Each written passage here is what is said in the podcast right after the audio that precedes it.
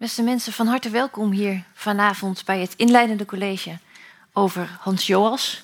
De, oh, ik ging al één keer verder klikken. Kijk, vanavond. Ehm, op 22 maart komt deze beroemde Duitse socioloog een lezing geven met als titel uh, The Power of the Sacred. En deze titel is tegelijkertijd het thema van zijn gasthoogleraarschap aan onze universiteit, aan onze faculteit Filosofie, Theologie en Religiewetenschappen. Want daar is hij op uitnodiging van filosoof Jean-Pierre Wils uh, en mede mogelijk gemaakt door de Stichting Thomas More twee jaar lang gasthoogleraar. En uh, in die tijd zal hij onder andere met collega's, vakgenoten, studenten discussiëren over allerlei thema's rondom dit centrale uh, onderwerp, dus The Power of the Sacred. Um, vanavond een inleidend college door filosoof Jean-Pierre Wils, zodat u alvast wat meer achtergrondinformatie heeft over zijn denken, over zijn werk. Um, en de lezing van Jean-Pierre Wils die zal uit drie delen bestaan. Ten eerste geeft hij een soort overzicht over de wetenschappelijke ontwikkeling van uh, Hans Joas. Vervolgens gaat hij nader in op. Hij zei twee boeken, maar ik zie er nu een heleboel al vast liggen. Hij noemde in elk geval uh, die Entstehung der Werte en uh, die Sakraliteit der Person. Dus dat zijn twee centrale boeken in het werk van Hans Joas. En vervolgens legt hij ook nog uit hoe het komt uh, dat Hans Joas van Vervente, uh, nou ja, misschien niet een tegenstander, maar in ieder geval een hele sterke criticus is van de seculariseringsthese. Um, het inleidend college duurt ongeveer 40 minuten. Daarna ga ik met Jean-Pierre Wils in gesprek en is er ook uitgebreid tijd voor uw eigen vragen. En rond negen uur, we kijken een beetje, we zijn met een klein clubje. Uh, rond negen uur ongeveer, dan, dan ronden we af. Mijn naam is Liesbeth Jansen, ik ben programmamaker bij Radboud Reflect. En ik wens u alvast een hele mooie avond. Jean-Pierre.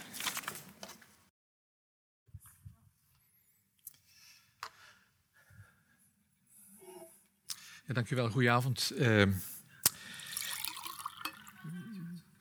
ongezellige weer buiten is het hier binnen duidelijk gezelliger. Ik hoop dat dat ook zo blijft uh, vanavond. Uh, ja, Hans Joas. Um, ik, uh, ik, ik, constateerde vandaag dat wij hebben, in zekere zin, hij is natuurlijk ouder dan ik, maar we hebben aan dezelfde universiteit gewerkt. Hans Joas heeft in de tachtiger jaren een tijdje aan de Universiteit van Tübingen gewerkt. Toen was ik daar nog aan het promoveren en zo verder. Uh, dus we hebben in die zin een gemeenschappelijke universiteit, tenminste voor een bepaalde periode. En uh, wij zijn ook allebei uh, stipendiaten geweest van de, van de Werner Heisenberg uh, Stiftung in Duitsland. Wat, wat zekere zin ook met een zekere trots vervult. Een zo beroemde collega in de dezelfde stichting te hebben gehad. Maar nu over uh, Hans Joas. Ja, um, Joas is een, inderdaad een, um, een socioloog met, uh, met een wereldfaam. Um, misschien heel even iets uh, over zijn een paar, biografische details. Hè. Hans Joas is op 27 november 1948 in München geboren. Hij is een echte Bayer. Dat hoort, men ook aan zijn uh, manier van spreken deels. Hij is nu momenteel uh, Ernst Trölsch, honoraarprofessor aan de uh, universiteit, aan de Humboldt-universiteit in Berlijn. hij is jarenlang professor voor sociologie geweest aan de Vrije Universiteit Berlin. Nou, hij heeft op verschillende uh, internationale universiteiten gewerkt. Hij is wel uh, sedert jaar en dag ook uh, visiting professor for sociology and social thought aan de University of Chicago. En zo verder. En, en zo verder is een tijdje directeur geweest van het Max Weber Instituut in Erfurt en andere uh, activiteiten. De helft van de lezing zou vermoedelijk moeten worden geïnvesteerd in het opzommen van deze lijst. Dat gaan we vanavond niet doen. Ja, ik ga proberen, zoals werd aangekondigd, u vooral in drie stappen, misschien in een iets of wat andere volgorde, een beetje vertrouwd te maken met het werk van, van Hans Joas. In de hoop dat u dan aan het eind van de avond geen vragen aan mij stelt die eigenlijk aan Joas moeten worden gesteld. Maar ik wil u in zekere zin equiperen om goed voorbereid naar die lezing van Joas te komen kijken en te komen luisteren. Um, het werd al gezegd, Hans Joas is vooral de voorbije jaren eigenlijk uh, ten tonele verschenen als een, uh, een permanente criticus eigenlijk van het seculariseringsparadigma wat een dusdanige vanzelfsprekendheid blijkt uh, te hebben dat, dat wetenschappers die daar in zekere zin tegen opponeren, hij is overigens niet de enige, uh, Casanova, een andere beroemde socioloog, uh, doet dat ook, Bella heeft dat ook gedaan. Um, maar het paradigma van de secularisering is in zekere zin zo vanzelfsprekend eigenlijk geworden dat het bijna onwaarschijnlijk is dat een serieuze wetenschapper, socioloog, filosoof of hoe dan ook, uh, dit uh, paradigma werkelijk ook betwijfelt. Dat is bij Joas duidelijk het geval. En ik zal u proberen uit te leggen waarom dat zo is. Nou, dat heeft in eerste instantie, en nu ga ik een klein beetje over zijn wetenschappelijke ontwikkeling zeggen. Het heeft natuurlijk te maken met de traditie waarin Hans Joas zichzelf uh, eigenlijk van het, van het, vanaf het begin van zijn wetenschappelijke carrière heeft geplaatst. Uh, namelijk, uh, hij is wat, wat overigens voor een Europese wetenschapper en zeer zeker ook voor een Duitse wetenschapper absoluut niet vanzelfsprekend is, iemand die zichzelf heel sterk associeert met het Amerikaans pragmatisme. Ja, het Amerikaans pragmatisme, dus de filosofie, de sociologie van mensen zoals Pierce, William James, uh, Dewey en Mead. Dat zijn de meest befaamde namen. Um, het is niet vanzelfsprekend dat Europese filosofen en sociologen zich met deze traditie associëren. Want deze traditie van het Amerikaans pragmatisme heeft eigenlijk een heel uh, slechte reputatie in Europa. En uh, Joas heeft uitvoerig uh, in enkele van zijn geschriften, met name in dit boekje Pragmatismus en Gesellschaftstheorie, dus pra pragmatisme en theorie van de maatschappij, heeft hij daar zich zeer uitvoerig heeft hij zich gewijd eigenlijk aan het grote misverstand omtrent het uh, pragmatisme. En het Amerikaans pragmatisme werd in een zekere zin zowel aan de linker als ook aan de rechterkant van de sociologie en vooral van de filosofie eigenlijk afgewezen. En dat had met het feit te maken dat men het Amerikaans pragmatisme eigenlijk associeerde met een soort van dollarsociologie. Ja? Een soort van een, een, een, exponent eigenlijk van het, van het Amerikaans kapitalisme. Uh, misverstanden die, die zeer, zeer uh, uh, vaak genoemd worden. En die daardoor niet juister worden, natuurlijk. En uh, om het misschien heel kort te zeggen, wat is nu eigenlijk kenmerkend voor het, voor het uh, pragmatisme? Uh, zou zijn als een soort van algemene zin zou men op die vraag kunnen antwoorden. Het pragmatisme doet een poging om alle fenomenen die geanalyseerd worden uit het perspectief van het menselijk handelen te stellen. Dus niet een ideeëngeschiedenis en ook geen, laten we zeggen, structurele of functionalistische sociologie, maar vanuit het perspectief van het menselijke handelen. Is de meest simpele en ik denk ook de meest rechtvaardige omschrijving van wat uh, het, het, pragmatisme uh, in feite uh, belichaamt. Dat betekent natuurlijk dat, het, dat in het pragmatisme een, um, een, een soort van adequaat handelingsbegrip moet worden ontwikkeld. Ja?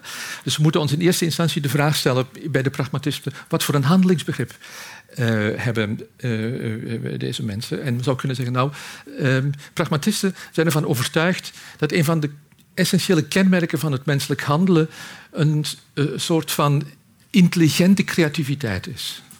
Ja? Een intelligente, probleemoplossende creativiteit. Uh, dat betekent, het menselijk handelen is in een zekere zin verkennend. Ja? We kunnen het menselijk handelen niet adequaat begrijpen door het te subsumeren onder algemene wetmatigheden. Ja? Uh, maar het is in een zekere zin verkennend, het is creatief en het is op zoek in een zekere zin naar verbeteringen van het menselijk bestaan. Dus daarom is het, het pragmatisme in hoge mate ook, zou je kunnen zeggen, met een soort van creatieve sociaal-democratische impetus geassocieerd. Ja? En bovendien ook met de opvatting dat uh, het menselijk handelen vooral functioneert op basis van een soort van stapsgewijze verbetering en verandering van de omstandigheden. Ja? Noemen dat ook meliorisme.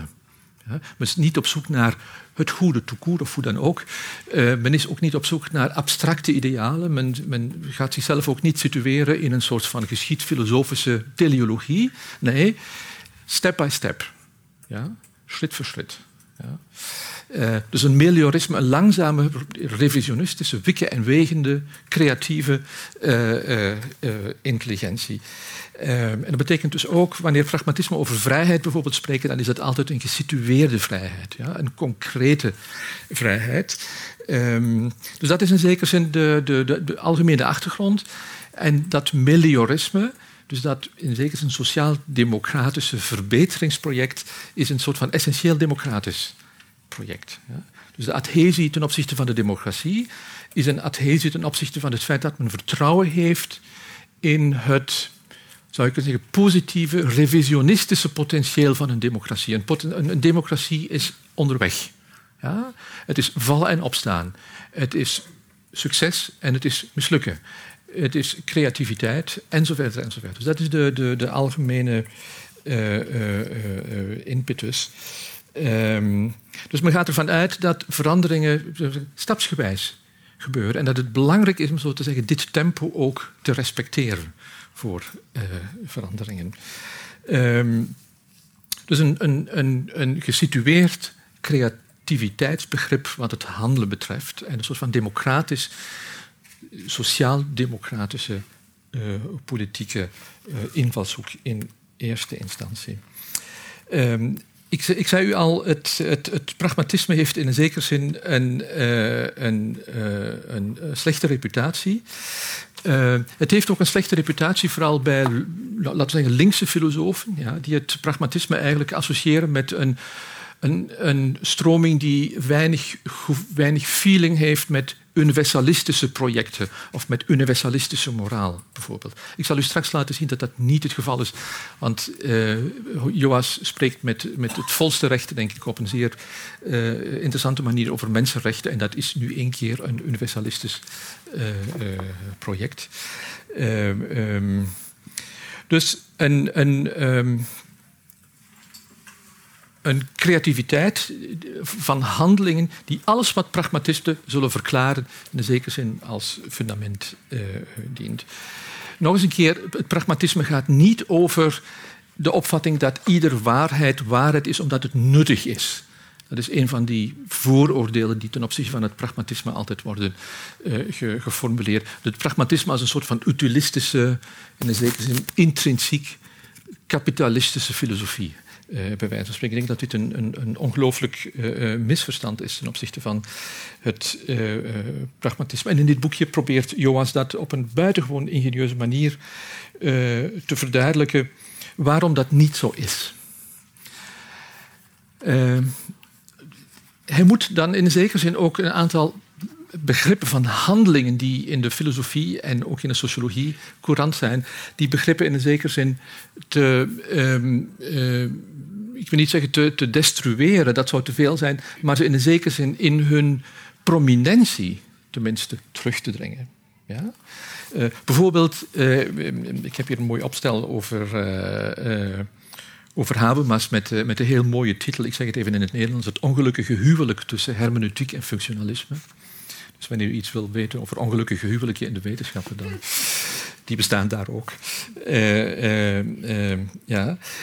bijvoorbeeld, bij Habermas is er dat grote verschil tussen arbeid en interactie, tussen arbeid en communicatie. Dat zijn de, de, de, de grote typen in een zekere zin. Daarvan zegt Joas, maar dit is te simpel. Ja, het, het, de handelingsfenologie is vele malen complexer uh, dan, dan uh, deze. Het handelen is niet slechts instrumenteel of strategisch of communicatief. Nee, het is veel complexer, het handelen. Dat klinkt misschien in uw oren nu iets academisch, maar het is heel erg belangrijk in zekere zin, denk ik, voor een uh, socioloog, een, een adequaat begrip van menselijke handelingen ook te ontwikkelen, omdat op de basis daarvan natuurlijk alle andere projecten een bepaalde richting, op een, in een bepaalde richting worden gestuurd. Ja? Dus wanneer we een heel simpel, een zo'n dichotomisch begrip van ofwel is het arbeid of, of het is interactie of communicatie, ja, dan gaan we ook op een bepaald moment relatief reductionistische, simpele verklaringsmodellen ontwikkelen en wordt de werkelijkheid altijd gereduceerd op het is dit of het is dat. Ja. En uh, Joas is wat dat betreft iemand die denk ik een heel goed gevoel heeft um, voor de complexiteit van menselijke handelingen. Um, hij heeft daar overigens een heel boek aan gewijd. Een van zijn, vind ik, schitterende boeken. Die creativiteit des handelens heet dat, heet dat boek.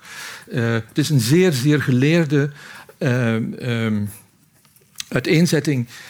Precies met die fenomenologie van menselijke handelingen. En nog eens, dit is het meer academische deel ook van, van de lezing, ook van zijn, van zijn uh, eh, engagement in de sociologie en in de uh, filosofie. Hij probeert in zekere zin een handelingsbegrip te ontwerpen dat hem zal toestaan, bijvoorbeeld later in zijn geschriften over, over wat zijn waarden, hoe ontstaan waarden, de genealogie van de mensenrechten en zo verder, om daar een, een, zeker een alternatieve theorie te ontwerpen ten opzichte van de gebruikelijke theorieën. Uh, hij heeft een heel, een heel uh, groot en, en, schitterend opstel geschreven uh, met de titel De metaforen van de creativiteit. De metaforen van de creativiteit. En hij probeert daar vijf verschillende metaforen, respectievelijk vijf verschillende handelingstypen uh, te onderscheiden die volgens hem alle vijf in een zekere zin ja, metaforen voor creativiteit Ja? Uh, ik zal ze dadelijk even, even noemen. En op basis daarvan uh, ontwikkelt hij een heel erg interessant, een heel interessant overzicht eigenlijk over de manier waarop sociologen, uh, filosofen, sedert de 19e eeuw menselijke handelingen hebben gereconstrueerd. Ja? Vijf verschillende typologieën eigenlijk. En de vijfde zal diegene zijn die voor hem de belangrijkste is. De, de, de vijf typen die hij noemt zijn ten eerste uitdrukking, Ausdruck. Ja. De, ten tweede uh, productie, dus productie. De derde is revolutie, eh, revolutie. De vierde is leven, leven. En de vijfde is dan wat hij noemt intelligentie en reconstructie. Intelligentie en reconstructie. Dat zijn de vijf verschillende types.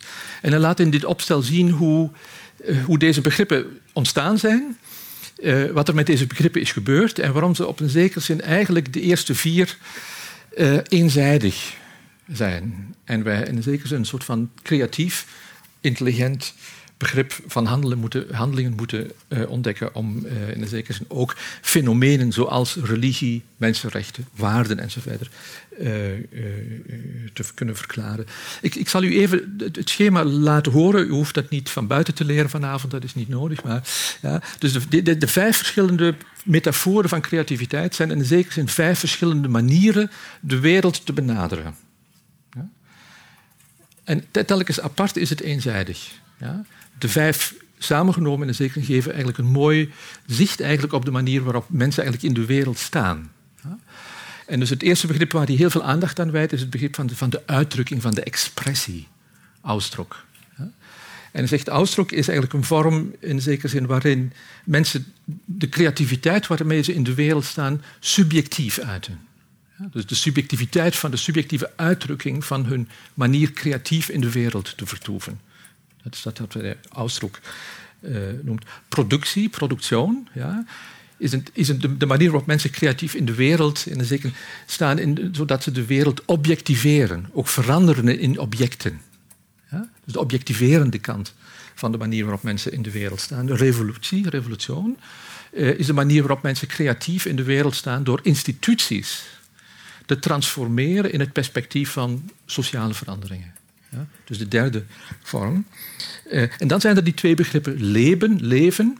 Dan gaat hij terug naar de levensfilosofie vanaf de 19e eeuw. Dat begint overigens al bij Nietzsche natuurlijk. Ja. Bergson en anderen. Um, en het begrip van de, uh, van de ja, intelligentie en van de, uh, van de reconstructie. Um, leven is in een zekere zin een manier, een, een, poging te doen te beantwoorden aan de totaliteit van de dingen. Ja? Vanuit de totaliteit van het leven een poging te doen te antwoorden op de totaliteit van de dingen. En het, uh, het vijfde model, dus dat eigenlijk van de intelligente, creatieve reconstructie, is eigenlijk het pragmatische model. Ik zal u dadelijk een paar voorbeelden ook voor dit model geven. Ehm, nu, wanneer u dit zou lezen. Ik hoop dat u het leest, maar het is, het is, geen, gemakkelijke, het is geen gemakkelijke tekst. Uh, het is een, een, een grootscheepse poging eigenlijk een soort van rechtvaardig handelingsbegrip te ontwerpen. Een begrip dat voldoende complex is, ja? dat niet eenzijdig is.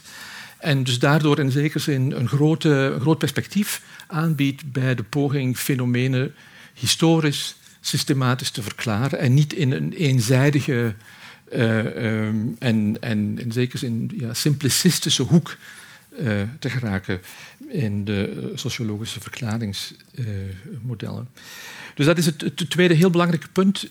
Dus die, die, die fenomenologie van menselijke handelingen, die voor hem heel erg belangrijk zijn.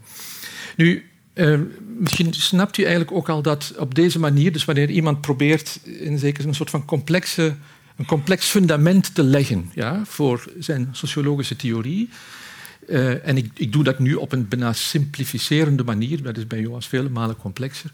Uh, uh, dus een, een, rijk repertoire te laten zien van wat menselijke handelingen eigenlijk zijn. Dus daardoor, een, zou, zeggen, zou je kunnen zeggen, is eigenlijk al in de wetenschappelijke fundering van zijn sociologie een, bijna een soort van waarborg ontstaan ten opzichte van eenzijdige en reductieve verklaringsmodellen. Ja? Um, dat laat in een zekere zin ook uh, zien waarom uh, Joas uh, ten opzichte van um, grote theorieën die in de sociologie, in de moderne sociologieën zeer populair zijn, dat hij ten opzichte van deze grote theorieën terughoudend is. Wat bedoel ik nu met grote theorieën? Het zijn vooral eigenlijk ik zal het dadelijk ook nog even toelichten. Het zijn vooral laten we, de grote narratieven ja, die vooral in de 20e eeuw uh, in de sociologie worden verteld. Het moderniseringsnarratief, ja, het differentiëringsnarratief, het seculariseringsnarratief en andere. Ja, uh, die Joas met een zekere scepsis beschouwt. En van mening is eigenlijk dat deze narratieven problematisch zijn. Ik laat toch eerst een iets of wat tegenvoorbeeld uh, noemen. Wat is een bepaald narratief wat voor um, de socioloog Hans Joas zelf eigenlijk toch niet onbelangrijk is, alhoewel hij daar ook een heel voorzichtig standpunt in inneemt, namelijk het narratief van de zogenaamde actual age. Dat is het tijdperk van de as.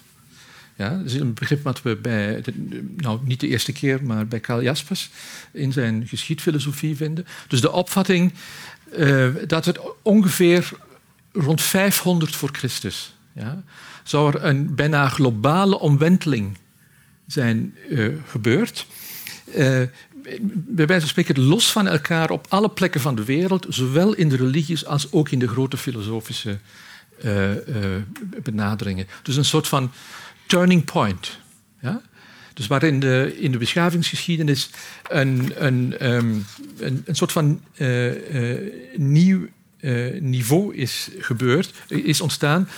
Een niveau waar we in zekere zouden kunnen van zeggen: het is het, de onderscheiding tussen een soort van mythisch tijdperk of een magisch tijdperk, ja, ten opzichte van, door die omwenteling, ten opzichte van een andere manier van denken in heel verschillende categorieën, maar een andere manier van denken, namelijk een soort van, ja, een, soort van, van uh, uh, revolutie binnen de reflexiviteit.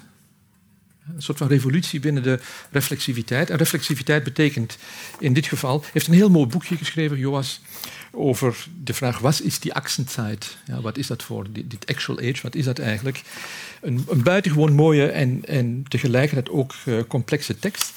En hij laat hierin zien dat dat, wat is nu het wezen van deze omwenteling? Zegt, er is een breuk ontstaan rond 500.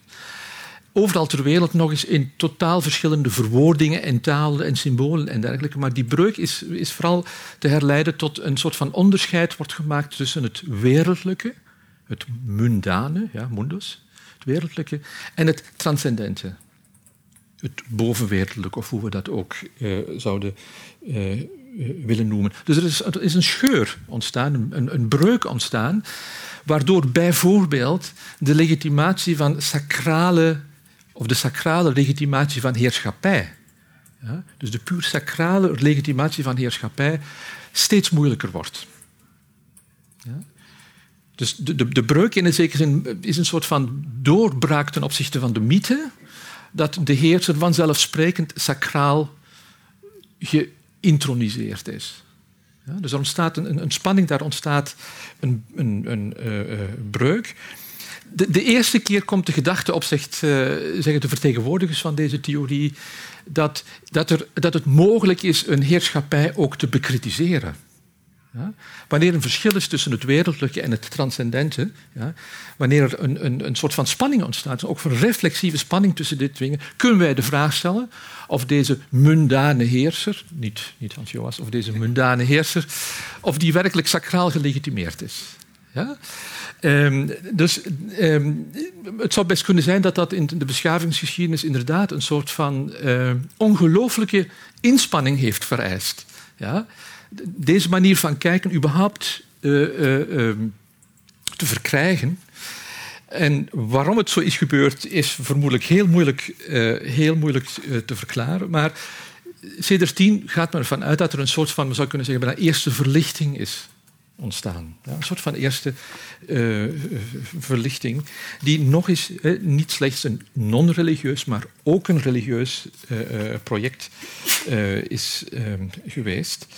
Um, we zouden kunnen zeggen ook dat er een soort van, Eisenstedt heeft het zo genoemd, een soort van denken van de tweede orde bestaat, plotseling. Ja? Dus men heeft in het compacte vooraxiale tijdperk um, heeft in een soort van monologische wereld uh, geleefd. Ja? Dus waarin uh, nog eens de sacraliteit eigenlijk overal aanwezig was. De, de, de mythische, de magische aanwezigheid van het heilige.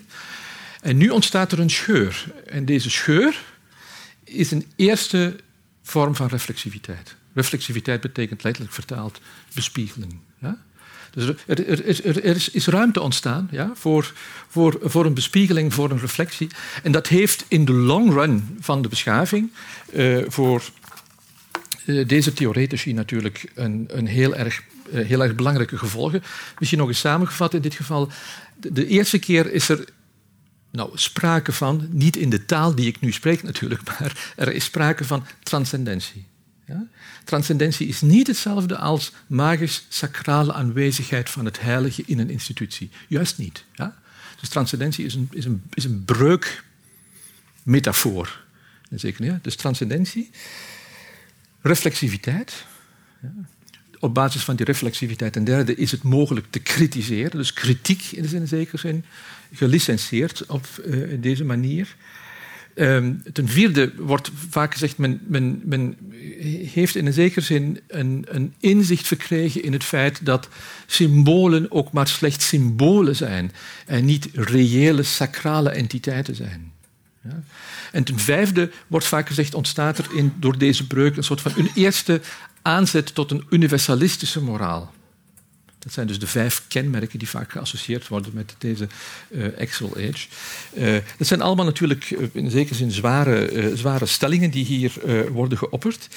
Um, dus maar er, er, er, er, is sprake van een, een, een, heel belangrijke breuk, vooral eigenlijk omdat, wordt vaak gezegd, rond 500 ongeveer worden we het, het, het, de eerste keer ook duidelijk geconfronteerd met verlossingsreligies. Ja? En verlossingsreligies zijn geen sacrale religies. Ja? Dus een verlossingsreligie is eigenlijk een religie, religie die, die gebruik maakt van de breuk. Ja? Die gebruik maakt van de kritiek, die gebruik maakt van de reflectie en zo verder. En vaak ook met een universalistische morele impetus. Ja? Zou ik zeggen, de, de decaloog, de tien geboden in het Oude Testament, zou men kunnen interpreteren als een eerste aanzet tot een soort van universalistische uh, uh, moraal. Dus er ontstaat een soort van postmagisch tijdperk ja? En de verlossingsreligies zijn postmagische religies. Tenminste, ook in, hun eigen zelfbegrip zijn ze dat. Het zijn geen magische of mythische religies, het zijn postmagische uh, uh, religies. Um, nou, dat uh, doet een, um, een, dynamiek ontstaan. En nu gaan we langzaam naar de kritiek van Joas ten opzichte van de, van de grote narratieven uh, dat doet een dynamiek ontstaan die uh, bijvoorbeeld nog duidelijk wordt in de grote sociologische narratieven van de 19e en van de uh, 20e eeuw. Ehm, bijvoorbeeld, een van de grote we populaire narratieven wat de moderniteit betreft is natuurlijk het rationaliseringsnarratief van Max Weber. Dus de opvatting dat de moderniteit in hoge mate gekenmerkt is door een, ja, ik zeg het nu even in het Duits, een schoep, ja, een, hoe zeg je dat in het Nederlands? Een, een golf van rationalisering, ja. Ehm, ehm, dus waardoor eigenlijk alle manieren waarop mensen in de wereld staan veranderen. Dus de vormen van heerschappij veranderen, de vormen van economie veranderen op deze manier. Het zelfbegrip van mensen begint op deze basis uh, te veranderen. Uh, dus het is dat wat uh, Max Weber dus rationalisering eigenlijk noemt. En Joas zegt bijvoorbeeld, ook dit is nog, dit narratief is schatplichtig eigenlijk aan dat actual age narratief. Want Max Weber gebruikt zelf in een zeker het onderscheid tussen wat hij dan het katholicisme als eigenlijk nog een vorm van magische religie noemt. Ja? Dus het katholicisme is in dat, in dat geval eigenlijk rond 1700 nog steeds in een toestand van voor 500 voor Christus, bij wijze van spreken. Ja? Dus het katholicisme, zou je kunnen zeggen, is in dat perspectief de, de te laatkomer in de ontwikkeling. Dus vol met magie en, en, en zo verder. Het protestantisme daarentegen, voor Max Weber, ehm, de grote stimulans eigenlijk ook voor de modernisering. Ja? Eh, in zijn geval ook voor het kapitalisme zelfs. Uh, dus opnieuw daar die, die scheuring. En wanneer dus Max Weber, dat, dat kent u allemaal, spreekt over de Entzauberung de Welt, dus de onttovering van de wereld als gevolg van het rationalisme, is, is dat begrip onttovering nog altijd schatplichtig eigenlijk aan dat actual age uh, verhaal. Want daar werd al rond 500, bij wijze van spreken, eigenlijk iets geïnitieerd wat wij later onttovering noemen. Ja? Het postmagische, het postmythische, het onttoverde tijdperk. Dus u ziet hoe, hoe dit soort narratieven een, een ongelooflijke kracht ook hebben. En, en, um, dus het actual age paradigma. En uh, uh, uh, ja, een, soort van, van, van bijna ja, bepalende, om niet te zeggen bijna gewelddadige macht uitoefenen op de manier waarop mensen de wereld gaan um, interpreteren. Um, dat is overigens een reden te meer voor Joas om heel erg voorzichtig te zijn ten opzichte van dit soort grote verklaringsmodellen. Um, nu, en, dat is al heel belangrijk voor het, het, slotverhaal over die mensenrechten en die, die sacraliteit van, van de persoon. Um, Joas is er wel degelijk van overtuigd in een zekere zin dat, uh, dat die universalistische impuls, ja, dus die impuls ten opzichte van een universalistische moraal bijvoorbeeld, die rond 500 voor Christus zich de eerste keer zou zijn gaan manifesteren. Verschillende plekken ter wereld, in verschillende, verschillende contexten. Uh, uh, dat dat niet helemaal verkeerd is. Um, dus hij probeert in een zekere zin te vermijden dat wij ten opzichte van een al te rigide kritiek ten opzichte van ieder narratief ja, terecht zouden komen in een soort van historisch relativisme. Ja, zo van, we kunnen geen groot samenhangend verhaal vertellen, want elke cultuur, whatever that is culture, ja, iedere cultuur, uh, iedere maatschappij heeft in zijn of haar historische uh, situatie een, een, een, een, bepaalde identiteit, een bepaald patroon enzovoort. En dat is het dan ook. Wij kunnen die niet vanuit een ander perspectief kritiseren. Ja? Dus ontstaat een soort van historisch relativisme. Daar is het Joas niet mee eens. Uh, hij zal zeggen, nee, daar zijn inderdaad bepaalde universalistische impulsen, maar die zijn niet onderworpen aan een geschied, geschiedenisteleologie. Het is niet van, het is niet van meet af aan duidelijk waar dat naartoe gaat. Ja? Dat is iets eigenlijk wat peu à peu, step by step, in die pragmatisch creatieve, ook sociale en culturele conflicten, moet worden bevochten en verworven. Dat zijn, dadelijk zal ik iets zeggen over de mensenrechten in, dat, uh, uh, uh, in dit geval. Het betekent ook um, dat Joas heel sterk in dat boek over, over mensenrechten, dus die sacraliteit der persoon heet dat, heet dat boek, probeert hij aan te tonen dat het verkeerd is te denken dat een universalistische impuls of een universalistische moraal, uh, dat die, de geldigheid daarvan, van een universalistische moraal, los zou staan van de genese, van de wordingsgeschiedenis daarvan. Ja? Alsof de mensenrechten bij wijze van spreken op een bepaald moment ontdekt zijn. Ja? Bijna een soort van openbaring die er, die er, die er gebeurt. En dan kunnen we altijd de vraag stellen, en van wie zijn ze nu? Ja, wie was degene die de openbaring de eerste keer heeft gehoord? Ja? Zijn dat toch de christenen geweest, of is het in de Franse of in de Amerikaanse revolutie geweest? Wie heeft ze ontdekt? Ja? Uh, dat zeggen, nou, ze zijn in die zin niet ontdekt. Ze zijn niet als een openbaring komen binnenvallen. Maar de geldigheid van deze universalistische impuls is gegroeid. Ja, is een genese, dat is een verhaal wat we daar moeten bij vertellen. Ja? En het ene sluit het andere niet uit. Ja? Dus een contingent verhaal sluit niet uit dat er een bepaald moment een soort van universalistische opvatting ontstaat, uh, die, die door verschillende bronnen wordt gevoed, maar die niet het eigendom is van één iemand. Dus wij moeten bij wijze van spreken ik, ik, eh, niet de vraag stellen van wie zijn nu de mensen. Dat is een, een, een, een, vraag die wij niet kunnen beantwoorden van wie uh, de mensenrechten zouden zijn. Um, ja, dus dat, um, dat wat de, de, de actual age uh, betreft. Dus ik, herhaal nog even. Uh, dus Joas um, heeft een duidelijk gevoel voor het feit dat er in de long run toch bepaalde ontwikkelingen plaatsvinden die, uh, die stabieler zijn dan het vermoeden dat het altijd weer opnieuw wordt uitgevonden. Ja? Dat in ieder tijdperk alles opnieuw wordt uitgevonden en anders wordt uitgevonden en dat er überhaupt geen lijn te trekken is in de ontwikkeling. Maar deze lijn die is niet gedetermineerd. Ja? Men wist in de vijfde eeuw niet voor Christus dat we 1948 een algemene verklaring van de mensenrechten zouden gaan, uh, gaan uh, formuleren.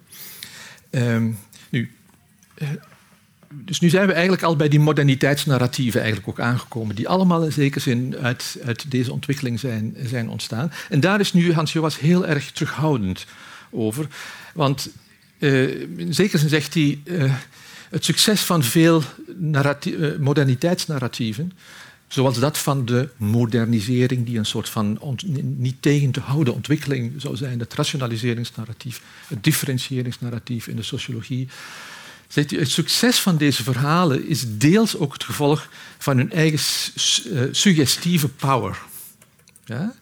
Ze, ze, beschrijven niet slecht, ze analyseren niet, niet slecht, maar ze zijn op een bepaalde manier normatief. Ze zeggen wat wenselijk is. Ja? En de suggestiviteit van deze verhalen heeft tot gevolg dat mensen ook gaan geloven dat het daadwerkelijk zo is. Ja? Dat men op een bepaald moment de, de werkelijkheid daadwerkelijk niet slechts gaat interpreteren, maar ook gaat waarnemen op de basis van deze categorieën die wij uh, nu hebben. Uh, dus veel van deze narratieven, zou Joas denk ik zeggen, zijn, uh, zijn, zijn, geen, zijn niet het gevolg van een empirie. Wat niet wil zeggen dat in, in ieder narratief natuurlijk een bepaalde empirische inhoud uh, moet vertegenwoordigd zijn. Ik bedoel, Luhmann kan het niet helemaal fout hebben met zijn differentiëringstheorie, uh, maar wel dat op deze manier een zeer eenzijdige explicatie en uitleg wordt gegeven aan de ontwikkeling en mensen gaan denken, het is nu eenmaal zo. Ja?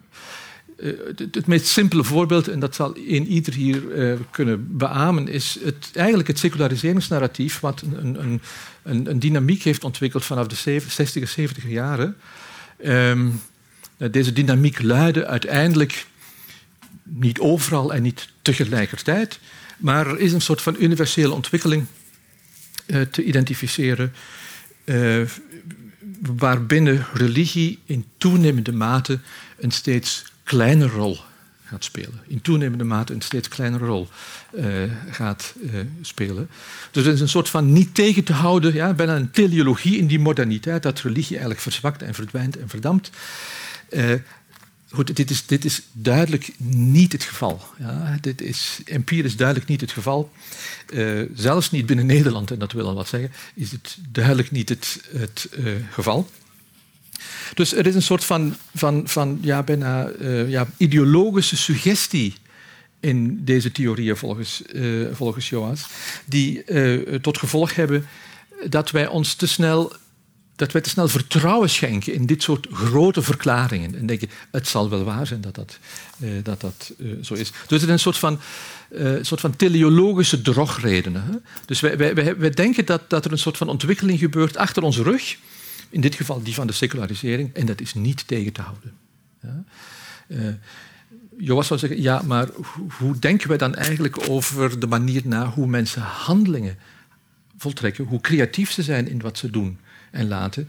En die creativiteit van het handel laat juist deze simpele teleologie niet toe. Ja? Dat, dat uh, is niet van, uh, van toepassing. Uh, even zozeer zou je kunnen zeggen, is, die, is de, de, de, de opvatting dat het proces van de modernisering een proces is van toenemende functionalisering en differentiëring. Ja? Dus waarin zeker de verschillende instituties binnen een maatschappij afkoelen en koud beginnen te functioneren zonder dat er nog communicatie tussen deze verschillende systemen zou zijn. Eigenlijk ook niet juist, want er zijn te veel hypermoderne, gefunctionaliseerde en gedifferentieerde samenlevingen, zoals de onze bijvoorbeeld, die in overmate dingen laten zien die niet functioneel, die dysfunctioneel, die archaïs die deels mythisch, die magisch, die esoterisch en wat weet ik allemaal zijn. Dus die, de ontwikkeling is veel complexer uh, uh, uh, dan dit. En um, dus in een zekere zin is, het, is, is Joas een, iemand die voortdurend, dat zal hij waarschijnlijk in de lezing hier ook doen, waarschuwt ten opzichte van de, van de, van de ideologische, suggestieve macht van dit soort verhalen. Ja? Alsof modernisering een vanzelfsprekend, niet, niet te stuitende ontwikkeling zou zijn. Of als zou rationalisering ja, opnieuw een soort van teleologische, zich voltrekkende, niet tegen te houden ontwikkeling uh, uh, zou zijn. En dat geldt voor alle andere uh, begrippen evenzeer. Nu, uh, dat zijn een stuk de, um, de, de, grotere theoretische kaders. Ik, ik, hoop dat u snapt hoe, hoe belangrijk het is, uh, hoe een wetenschapper zich in, de zekere zin in eerste instantie situeert binnen, binnen de paradigma in zijn eigen theorie, in zijn eigen vakgebied. Ja? dus het maakt een heel groot verschil uit of, of iemand bij wijze van spreken zich als een soort van, van, van, van scholier van het moderniseringsparadigma beschouwt en vindt dat er bij wijze van spreken eigenlijk een dominant handelingstype is wat die modernisering kenmerkt, bijvoorbeeld dat van de productiviteit. Ja? Um, iemand die een relatief complexe typologie van menselijke handelingen voor ogen heeft, zoals Hans Joas dat doet. Ja? Dus die, die, die uitdrukking, uitdruk, expressie, daar gaat het overigens ook in de kunst en verder over. Ja? Die objectiviteit en de productiviteit, ja? die institutionele veranderingen in, in de zogenaamde revolutie. Ja. Die levensopvattingen in zeker een soort van bijna wereldbeschouwelijke totaliteitsduiding. en die intelligente creativiteit van het, van het pragmatisme. Uh, dat maakt iemand voorzichtig ten opzichte van de grote, verklarende, in de zekere zin ook reductieve, simplificerende theorieën die common sense zijn in, de, in nogal wat vakgebieden van de sociologie. Ik ga tenslotte nog iets zeggen over uh, zijn boek over die Entstehung der Werte, die Sakralität der Person, en nog, in dat geval nog even iets over uh, uh, mensenrechten. Um, dit zijn twee befaamde boeken die Joas heeft, heeft geschreven. Um, in het boek over waarden behandelt hij verschillende sociologen en filosofen die over het ontstaan van waarden schrijven. En hij probeert eigenlijk twee valkuilen uh, te vermijden. Nou, misschien ten eerste, voor ik de valkuil beschrijf. Uh, het, in, in, in, Nederland wordt er heel veel over normen en waarden ook gesproken, veel meer dan in Duitsland overigens. Um, en niemand weet precies wat waarden eigenlijk zijn. En uh, vooral is het, weet men niet dat waarden eigenlijk, dat is een begrip dat pas eigenlijk min of meer sedert Nietzsche in de filosofie binnengecijpeld is. En oorspronkelijk alleen maar in het kader van de economie werd gebruikt. Ik ga nu de, het verhaal daar, daarover niet, niet vertellen. Maar dat waardebegrip heeft daarom een heel lastige, lastige status. Het is een valkuil die bestaat uit. De eerste, het eerste deel van de valkuil is de opvatting dat waarden in zekere objectiviteiten zijn. Ja? Er is zo'n panorama van waarden en die zouden objectief gelden. Ja? is een theorie die heel veel in de eerste helft van de 20e eeuw werd, uh, werd uh, verdedigd. Wanneer we niet meer weten hoe wij de normen moeten funderen, wanneer er ruzie is over normen, misschien is er toch zo'n kanon van objectieve waarden ja, die, die ons kunnen oriënteren. De andere kant daarvan is het verhaal dat waarden niks anders zijn dan preferenties, dan wat, datgene wat wij waarderen. Dus een subjectieve index slechts hebben. Ja. U waardeert dit, de ander waardeert iemand anders, iets, iets anders. Um, dus het subjectivistische en de objectivistische valkuil eigenlijk van het, van het uh, waardeverhaal. En daar probeert uh, Joas eigenlijk uh, tegenover te, te stellen dat uh, met het, met het uh, pragmatisme, en dat gebeurt vooral in het hoofdstuk hier over uh, Dewey, um, dat, dat waarde in een zekere zin altijd in een soort van interpersoonlijke, tussenpersoonlijke, concrete en ook conflictueuze situatie ontstaan en worden bevochten. Ja? Um, dus waarden ontstaan met andere woorden eigenlijk binnen de menselijke handelingscontexten. En ze zijn niet iets wat daar boven zweeft, boven deze menselijke handelingscontexten. En ze zijn niet slechts subjectieve overtuigingen. Ja? Ze hebben wat was dat? Ze hebben een... Daar ontploft hier iets, maar dat... Uh, uh, ja. Um, ja. Dus ze hebben, ze hebben een soort van, van ook tussenpersoonlijke status, hebben ze, uh, deze waarden. Ze worden in de, in de alledaagse praktijken en in de alledaagse conflicten en natuurlijk vooral in conflictueuze situaties die een groot sociaal karakter hebben, worden deze waarden ontdekt, verdedigd, gedifferentieerd en zo verder. Um, dus uh, zou kunnen zeggen, het is een soort van ja, anti-ideologische uh, uh, opvatting over waarden. Anti-ideologisch in die zin dat waarden zijn geen kanon die wij in onze rugzak hebben. Ja? En af en toe appelleren we een keer aan die waarden, dat is niet het geval. Het is ook anti-ideologisch, maar het is niet subjectivistisch. Waarden zijn niet enkel onze eigen preferenties. Ja? Uh, dus het gaat, uh, uh, het, het, gaat er vooral ook over dat we op een bepaald moment in staat zijn dat wat wij belangrijk vinden ook argumentatief en reflexief te verdedigen. En niet slechts zeggen, ik heb, ik heb het gevoel dat dat voor mij... Ik heb die preferentie nu een keer. Ja? Dus het is iets wat, wat in een concrete, conflictueuze situatie ook ontstaat en wat, wat verdedigd wordt.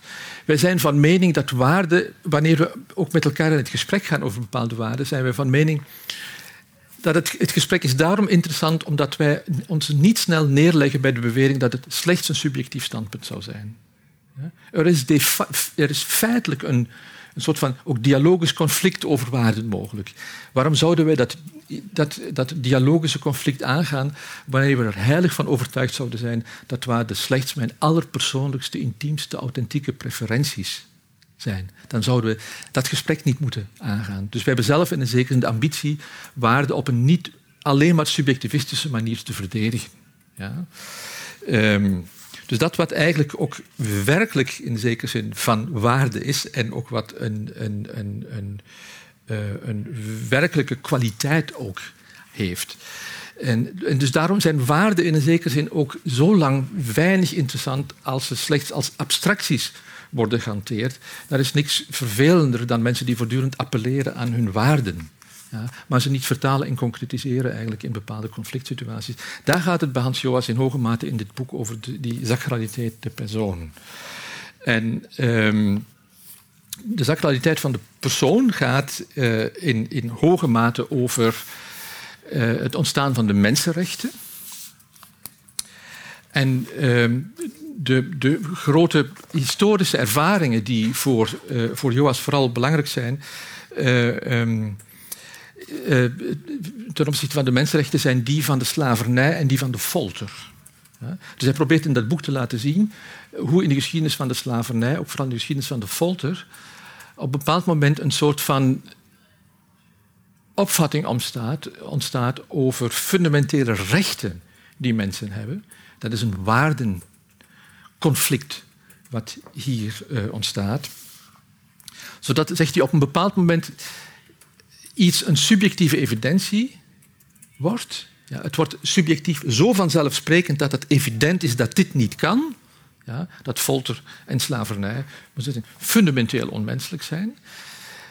Dat is, dat is snel gezegd, hè, maar dat is heel moeilijk, heel moeilijk en heel, heel langdurig niet zo geweest. Ja.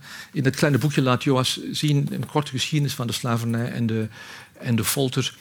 In welke mate slavernij en folter, met name ook in het christendom, uh, tot ver in de vroege moderniteit uh, positief gewaardeerd zijn geweest. En dus hoe pas later in het zeker die subjectieve evidentie is ontstaan, een soort van, zou je kunnen zeggen, disclosure experience. Dit kan niet. Ja? Dus plotseling is er ook hier een soort van turning point. Ja? Het kan niet langer uh, uh, gelegitimeerd worden. Ja? En tegelijkertijd, dus die, die, die, die, die, die, die, die, die opvatting die er ontstaat en die soort van subjectieve evidentie, heeft, en tegelijkertijd, zegt hij, heeft het ook een affectieve intensiteit. Ja? Dus het is niet slechts een soort van abstracte subjectieve evidentie die we hebben, maar het is tegelijkertijd heeft het een soort van affectieve intensiteit. Ja? Deze dingen die moeten, die moeten um, samenkomen. Zo ontstaan in een zekere zin ook waarden. Waarden worden in een zekere zin geconcretiseerd doordat ze voor een collectief een soort van subjectieve evidentie plotseling hebben. Het wordt onbegrijpelijk waarom het vroeger anders is geweest. Ja? Het is volkomen onbegrijpelijk waarom het 50 jaar geleden nog kon en nu niet meer. En tegelijkertijd heeft het, heeft het, het karakter van een affectieve intensiteit. Dus het is niet slechts een cognitieve opvatting. Ja? Het is iets wat ons affectief in een zekere zin ook, uh, ook aangaat. En uh, nog in, dat, in dat kader heeft uh, Joas, denk ik, een heel mooi boek over, over mensenrechten geschreven. En laat eigenlijk zien hoe, om zo te zeggen, de ontstaansgeschiedenis van de mensenrechten eigenlijk een pleidooi zou zijn voor de juistheid van de mensenrechten.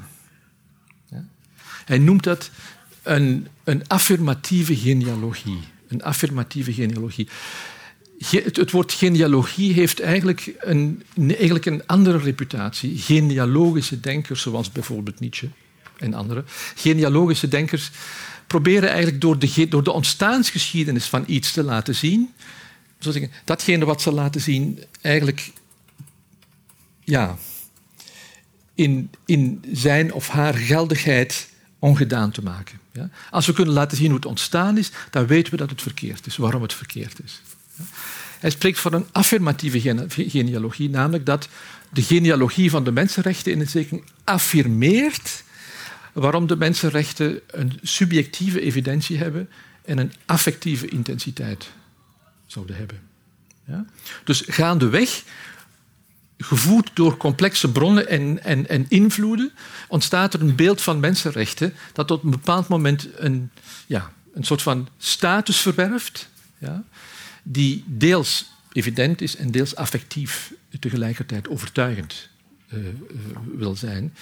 Um, um, dus er, er, er, zit voor Joas, zou je kunnen zeggen, eigenlijk in de geschiedenis bijvoorbeeld van de mensenrechten, zouden we bijna met Hegel kunnen zeggen, daar is toch wel Vernunft in der Geschichte. Ja? Uh, maar dat is, dat is lastig, dat is, dat, is, uh, dat is vallen en opstaan.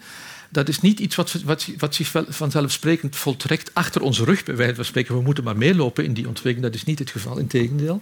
Uh, maar er is een soort van voorzichtige vooruitgang te constateren, ja, die in zekere zin de genealogie, de ontstaansgeschiedenis, affirmeert.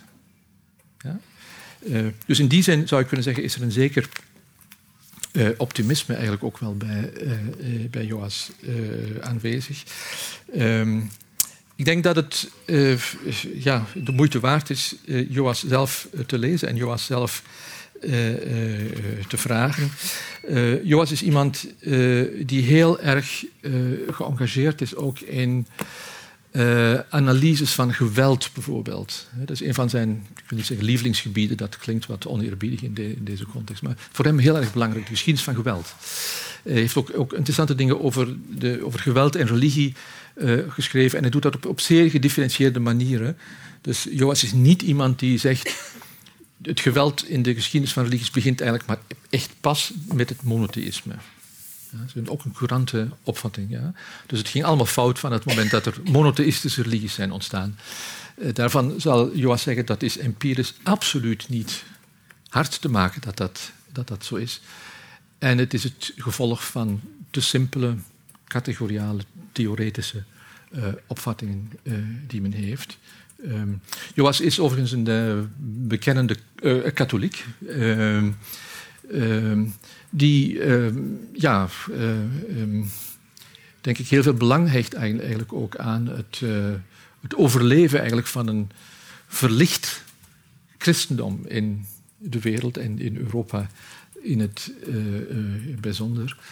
Um, is iemand die er, denk ik, zeer van overtuigd is dat, dat er een belangrijke, ik wil niet zeggen humanistische, maar humane traditie in het christendom verwoord wordt.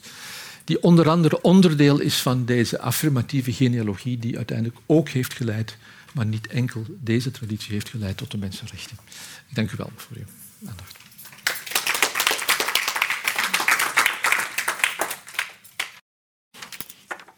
Ja, dankjewel Jean-Pierre.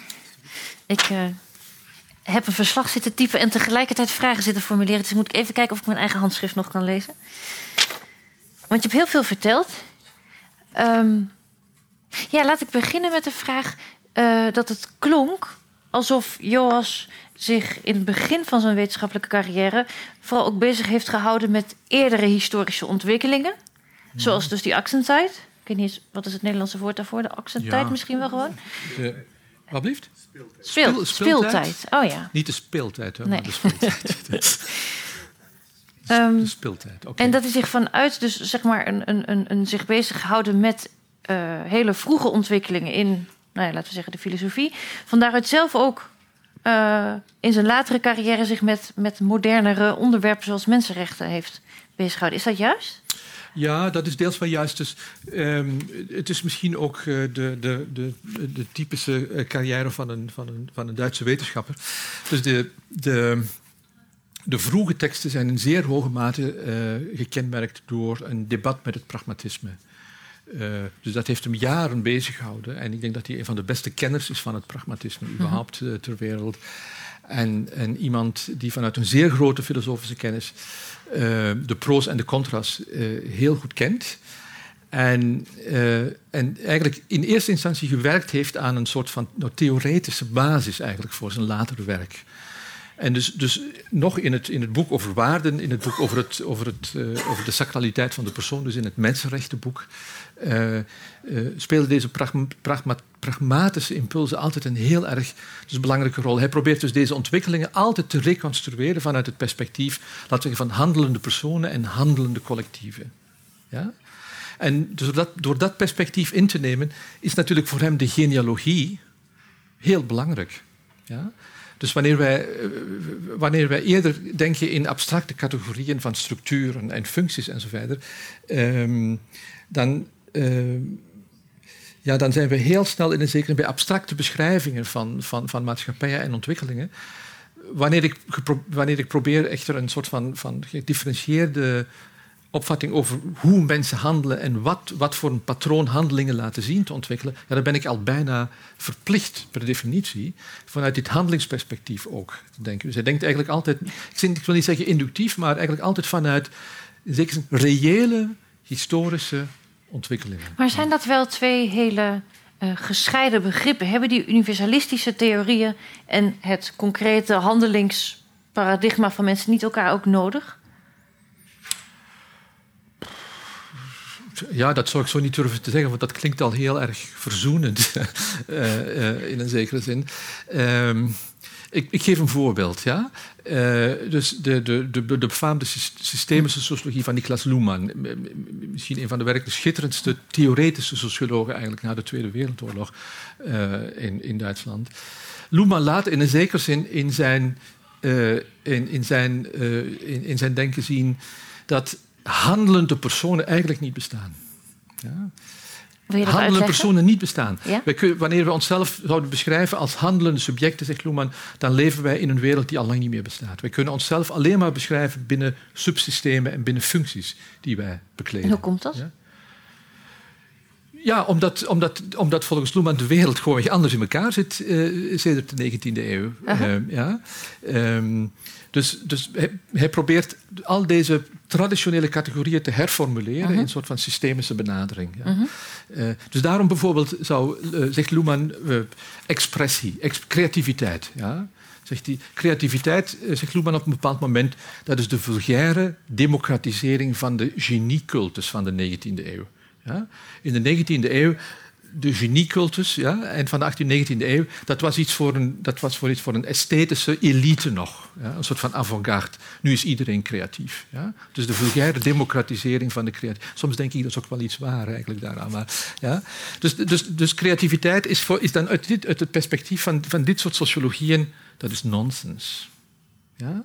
Wij denken wel allemaal dat wij creatief zijn, maar dat is niet waar. Dus wij zijn allemaal, in zekere zin, systeem is uh, uh, omarmd. En de ontwikkelingen gebeuren in de zekere zin zonder ons. Dus wanneer we denken dat, dat we als handelende subjecten iets doen, dan is het een misverstand voor Luhmann. Oké, ik ben het draad kwijt. Kun je ja. dit nog even een beetje. Ja, nee, dus waarom, hebben, die, waarom hebben, ze, hebben, hebben, ze elkaar niet nodig, vroeg je. Hè? Dus die, die, universele, die grote narratieven. Ja. En, en vooral dat, dat meer pragma, pragmatistische uh, de, de, pragmatistische invalshoek. In zekere zin zijn het alternatieven.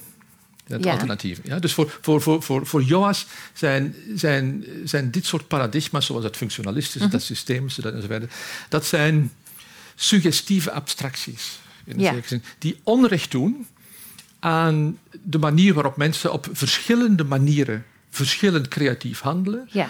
En hoe wij in een zekere zin onderling, intersubjectief, in bepaalde conflict situaties en zo verder, proberen een, een zekere vooruitgang te boeken. Maar hebben we dat soort grote theorieën toch niet ook nodig om die handelingsprincipes tegenaf te kunnen zetten? Om te, te kunnen kaderen? Ik, ja, waarom zouden we het nodig hebben om die. Om die voor, voor, voor Joas zijn dit soort theorieën in een zekere zin dat is een scheefgroei van eenzijdigheden. Mhm. Ja? Mm -hmm. dus die, in die zin zijn ze ook niet geschikt om een kader te zijn. Ja? Het is een scheefgetrokken kader. Ja. ja? En, en, um, en voor Joas zijn dit soort theorieën in een zekere zin bijna ja, neomythen die wij vertellen. Mm -hmm. uh, over de voorbije twee, drie, drie eeuwen. Maar die volledig die in, in hoge mate inadequaat zijn. Oké, maar kunnen we dit ook doortrekken naar bijvoorbeeld de seculariseringsthese? Zou hij daarvan ook zeggen dat is, dat is zo'nzelfde soort universalistisch verhaal wat ook scheef getrokken of gegroeid is? Ja, ja. Hij zal zeker, dus hij zal zeker niet ontkennen dat er, dat er uh, seculariseringsgolven zijn en zo verder. Mhm. En dat in zeer hoge mate uh, de functies van religie veranderen en zo verder. Mm -hmm. Maar dat is iets heel anders dan, uh, dan uh, te zeggen dat er een soort van bijna ja, niet te stoppen ontwikkeling is die, die, die zich voltrekt en die religies in toenemende mate overbodig maakt. Ja. ja? Dus empirisch is het, is het, is het niet juist. Ja. En tegelijkertijd zou ik zeggen, met, met de bril van dit paradigma op ons hoofd, ja. Elimineren wij uit onze perceptie een, een zeer groot aantal fenomenen. Ja? Dus wij zien bepaalde dingen niet meer, omdat wij ze niet willen zien binnen het kader van, van, van, van de theorie. En, dus, en daarom hebben wij. Volg, ik, ik, ben nu advocaat van, van, van, uh-huh. van Joas. Uh-huh, ja, dat, uh, uh, dit, en dus daarom hebben wij een soort van adequate alternatieve theorie nodig. Ja. Die theorie die is weliswaar complex en die ken, ja, en dat is het pragmatisme. Ja? Dus het pragmatisme als een soort van bottom-up, um, in zekere zin ook uh, ja, hoe zeg ik, ook, ook zelfkritische mm -hmm. ja, uh, handelingstheorie, ja. die vele malen complexer is eigenlijk dan de eenzijdigheden van deze andere theorieën. Oké, ik ga het nog één keer proberen, want volgens mij. Nee, anders dan, dan laat ik dit zitten. Nee, wat ik, misschien bedoelde ik vooral zo. Hebben we niet ook zo'n scheefgegroeide, niet, empirisch niet kloppende theorie nodig? Juist om die alternatieve theorie, deze pragmatische die nou ja, de theorie er tegenaan te ontwikkelen? Nou, dat is wel veel gevraagd, moet ik zeggen. Dan, eh, te zeggen, we hebben eerst een paar scheefgegroeide theorieën nodig. Nee, ik bedoel, die ontstaan, die, die ontstaan denk ik altijd. Iemand ontwikkelt een theorie en op een gegeven moment constateer je dat die niet klopt. Ja, ja, maar goed, we hebben geen scheefgegroeide theorieën natuurlijk nodig. We kunnen ach, pas achteraf in een zekere zeggen dat bepaalde theorieën uh, uh, een, een, zekere schreefgroei laten zien. Ja. Dat betekent niet dat ze niet groeien. Ja? Ja. Uh, dus er is wel, natuurlijk, al deze theorieën hebben een zekere, mate van, een zekere mate van gelijk. Maar ze zijn niet waar. Ja? Nee, ja. goed. Oké, okay. ander onderwerp. Um, je had het al even over de relatie tussen religie en mensenrechten in het werk van Hans Joas. Um, ik vroeg me af. Uh, vaak hoor je ook een beetje zo, de, nou, de mensenrechten, dat is de nieuwe religie. Dat transcendente, Ah, zo, dat, ja. dat hebben we allemaal, daar hebben we niet meer nodig en daar kunnen we ook niks meer mee. Maar mensenrechten, nou ja, dat kan er dan voor in de plaats komen. Is dat bij Joas ook zo of ziet hij dat heel anders? Nee, natuurlijk. Wanneer men zegt nou, mensenrechten dat is de nieuwe religie, dan is dat natuurlijk een mensenrechtenkritiek die, die hè, op deze manier wordt eh, geformuleerd. Een religiekritiek. Nee, ook een mensenrechtenkritiek. Want je zegt, nou, de mensenrechten zijn evenmin gefundeerd en religies gefundeerd zijn. Hè. Dus, dus eerst was religie, nu hebben we mensenrechten. Dat is een quasi-religie. Zo bedoel je dat toch? Ja? Ja. Eh, ehm, dus ehm, eh, nee, dat, dat is eh, volgens Joas natuurlijk niet, eh, niet zo. Ehm, ehm, ook daarom niet, omdat de mensenrechten zelf in zekere zin een, een, het gevolg zijn van complexe ontwikkelingen die niet in een zekere... Het is geen, geen te, te stroomlijnen ontwikkeling. Ja? De mensenrechten zijn, zegt Joas, niet het gevolg van het christendom. Ja? Ja. Ze zijn ook niet uitsluitend het gevolg van, eh, van de Stoa. Ja? Ze zijn niet uitsluitend het gevolg van de verlichting. En zo verder en zo verder. Ja? Dus de ontwikkeling van de mensenrechten is meerduidig. Ja. Ja? En de, de, de ontstaansgeschiedenis laat in een zekere zin natuurlijk wel een zekere vooruitgang zien. Maar ook het proces van de codificatie van de mensenrechten is altijd afhankelijk van conflicten, bijvoorbeeld de Tweede Wereldoorlog. Ja? Dus waardoor bepaalde dingen een zekere subjectieve evidentie en een affectieve intensiteit krijgen, zoals hij zegt. En, en dus daarom, wanneer we de, de mensenrechten een religie zouden noemen, ja, wat, wat, wat winnen we daardoor eigenlijk, wanneer we ze zo zouden ja, waarschijnlijk niks. Niks. Nee. Ja, Nee. Ehm, en nog even door te vragen op die mensenrechten. Eh, je stelde in je lezing de vraag: ja, van wie zijn die nou Ja, eigenlijk? en dan wordt natuurlijk vaak, eh, zeker in dialoog met bijvoorbeeld de islam- islamitische wereld, gezegd: nou, die mensenrechten, dat is iets westers, dat hebben wij hier ontwikkeld. Of andersom, krijg je de kritiek, dat zijn westerse eh, rechten en daar hoeven wij niets mee. Hoe kijkt Joas daar naar? Ja, ehm, ja, goed, dat hangt natuurlijk ook van, van de manier op waar, waar we over het Westen. Wat is het Westen eigenlijk? hè? Dat, dat is ook zo'n zo'n Ja. zwevend begrip natuurlijk. Hè? Ehm, ik zou nu niet zeggen dat het christendom een westerse religie is, bijvoorbeeld. Hè? Dat, is het, dat is het zeer zeker niet. Ehm, en, de, de, en de genealogie van de mensenrechten is veel groter en veel breder dan de genealogie van het Westen. Ja? Nu zou het wel kunnen zijn natuurlijk, en dat is ook zo, dat de, dat de taal van de mensenrechten dat die in het Westen is ontstaan. Dat is de, zoals de mensenrechten nu gecodificeerd zijn, is het ontegensprekelijk een westerse codificatie. Maar dat betekent niet dat ze slechts. dus Dat is, de, dat is een deel van de genealogie. Ja. Maar dat betekent dus niet dat de geldigheid van de mensenrechten daarom westers zouden zijn. Dat is duidelijk niet het geval. Ja? Dus dat, dat, dat is dat wat hij die affirmatieve genealogie eigenlijk ook noemt. Het zou kunnen zijn natuurlijk dat er een bepaalde westerse genealogie zou zijn, maar ik, ik heb daar mijn twijfels zelfs ook over dat dat, dat, dat zo is. Eh, maar dat in dat kader een zeker een bepaald moment een soort van subjectieve evidentie en affectieve intensiteit ontstaat die begrijpelijk is, Ja. en die verdedigbaar is voor mensen die zelf geen onderdeel zijn van deze westerse geschiedenis. Ja? En dan zou het op een bepaalde manier vertaald moeten worden. Je, je zei net, de taal van de mensenrechten is misschien ja, westers. goed. Ja, ik denk de, de, de, de, de codificatie van de mensenrechten is nog altijd, gebeurt nog altijd in een westerse taal. Mhm. Maar, maar dat is niet zo belangrijk. Be- Belangrijk is de manier waarop ze geïmplementeerd worden. Ja? Ja. En de implementatie van de mensenrechten wereldwijd laat, laat eigenlijk zien, in zekere zin dat Joas met zijn, met zijn affirmatieve genealogie, eigenlijk ook wel gelijk heeft. Dus de mensenrechten worden in de rechtssystemen van, bijvoorbeeld ook in veel islamitische staten overigens, in de rechtssystemen, eh, geïmplementeerd. Natuurlijk in eerste instantie door ze qua commentaar en qua taal compatibel te maken met de eigen traditie. Ja? Maar die, die, die implementatie van de mensenrechten in die, in die rechtssystemen verandert de rechtssystemen op een bepaald moment zelf ook. Ja.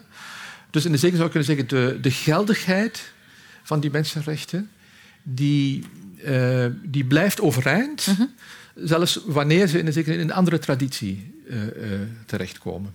Ja. Of kan Ja. overeind, kan overeind blijven. in Ja, dat is de bedoeling waarschijnlijk. En dat, kan ze, dat kan ze alleen maar wanneer bij wijze van spreken in die zogenaamde westerse genealogie we zeggen, een zeker begrijpelijke subjectieve evidentie Mhm. en affectieve intensiteit aanwezig is. Anders zou die overstap niet mogelijk zijn. Ja. Ja? Ja. Dus er zit iets in de mensenrechten wat, wat, wat, wat klaarblijkelijk ehm, niet te reduceren is op hun geschiedenis, op, op hun afkomst, whatever dat is. ja? En, en wat, wat, wat, wat wij zouden moeten onderwerpen aan een soort van relatieve genealogie. Het is door, daar nu toevallig gebeurd. Ja? Het is toevallig, daar, is die genealogie, daar kunnen wij die genealogie constateren. Dus daar zijn ze geldig. En dat is een drogreden dat dat zo is. Ja. Volgens Joas. Ik denk dat hij daar gelijk in heeft dat dat zo is. Ja. Ik kijk even naar u. Ik zie daar al een vinger. Wacht u even, mijn collega heeft een microfoon, dan kunnen ah. andere mensen u ook verstaan. Ik wil gewoon vragen, uh, The Power of the Sacred, die titel. Mhm. Wat houdt dat nou eigenlijk in? Want in eerste instantie dacht ik, The Power of the Sacred, de macht of de kracht van het heilige. Mhm. Meer zo in, in de zin van Otto en zo. Dat is heilig. Nee. Maar dit, dit moet ik begrijpen uh, sociologisch. Ja, ja, dus ik denk niet dat u uh, dat de sacred hier met, met, met, met Otto's uh, das Heilige uh, zou moeten associëren. Um, dus dat zal de titel zijn van zijn nieuwe boek, wat ik natuurlijk slechts, slechts uit een discussie met hem ken, maar dat, dat, dat, gaat hij nu ook opnieuw, opnieuw toelichten. In, in eerste instantie probeert Joas als socioloog te laten zien aan de teksten van Weber. Ja? Dat de bewering dat Weber eigenlijk een een narratief van de rationalisering heeft ontwikkeld. En dat we dat narratief van, de, van die rationalisering kunnen samenvatten als secularisering of entzauberung. Dat dat, dat dat niet klopt wat de teksten zelf aangaat. Ja? Dus dat Wever eigenlijk zelf maar over rationalisering en entzauberung spreekt als een soort van behulpje om zijn theorie op een later moment eens een keer samen te vatten. Maar dat dat in de teksten zelf eigenlijk nauwelijks aantoonbaar is. En wat is het dan wel? Met, de, de, de, definitie van... Van de sacred? Ja. Ja, dat is, ik weet niet wat, wat Joas nu gaat zeggen mhm. natuurlijk. hè, dus, maar hij probeert eigenlijk te laten zien dus dat er wat, de, de sacralisering van de persoon. Ja? Mhm. Eh, de sacralisering betekent voor hem dat op een bepaald moment eigenlijk dus de menselijke persoon een status krijgt die, in, die in zekere zin onaantastbaar mhm. zou zijn. Ik weet niet of dat verhaal klopt en uh, heeft er heel veel kritiek ook op... Uh, uh, gekregen op die bewering van die sacralisering der, der persoon. Mhm. Dus, maar hij, hij, hij, beweert dus dat er eigenlijk in de loop van die, van die, van die uh, moder, uh, moderniseringsprocessen er een, een, een, een, duidelijk bewustzijn is ontstaan omtrent laten we de onaantastbaarheid van de persoon. Ja? De mensenwürde zou men ook kunnen zeggen in dit, in dit geval. En dat dat een soort bijna sacrale status eigenlijk krijgt, een onaantastbare status. Ja? En dat... Ehm, en dat bovendien, eh, een, tweede element is natuurlijk, uh, Joas zal natuurlijk ook pleiten voor, uh, voor het accepteren eigenlijk van de, van de permanente, ook toekomstige aanwezigheid van religies. Ja? Dus dat, we moeten ook rekening houden met de power of the sacred, in, de, ook in, in, in, in, dit, ehm, op deze manier. Ja?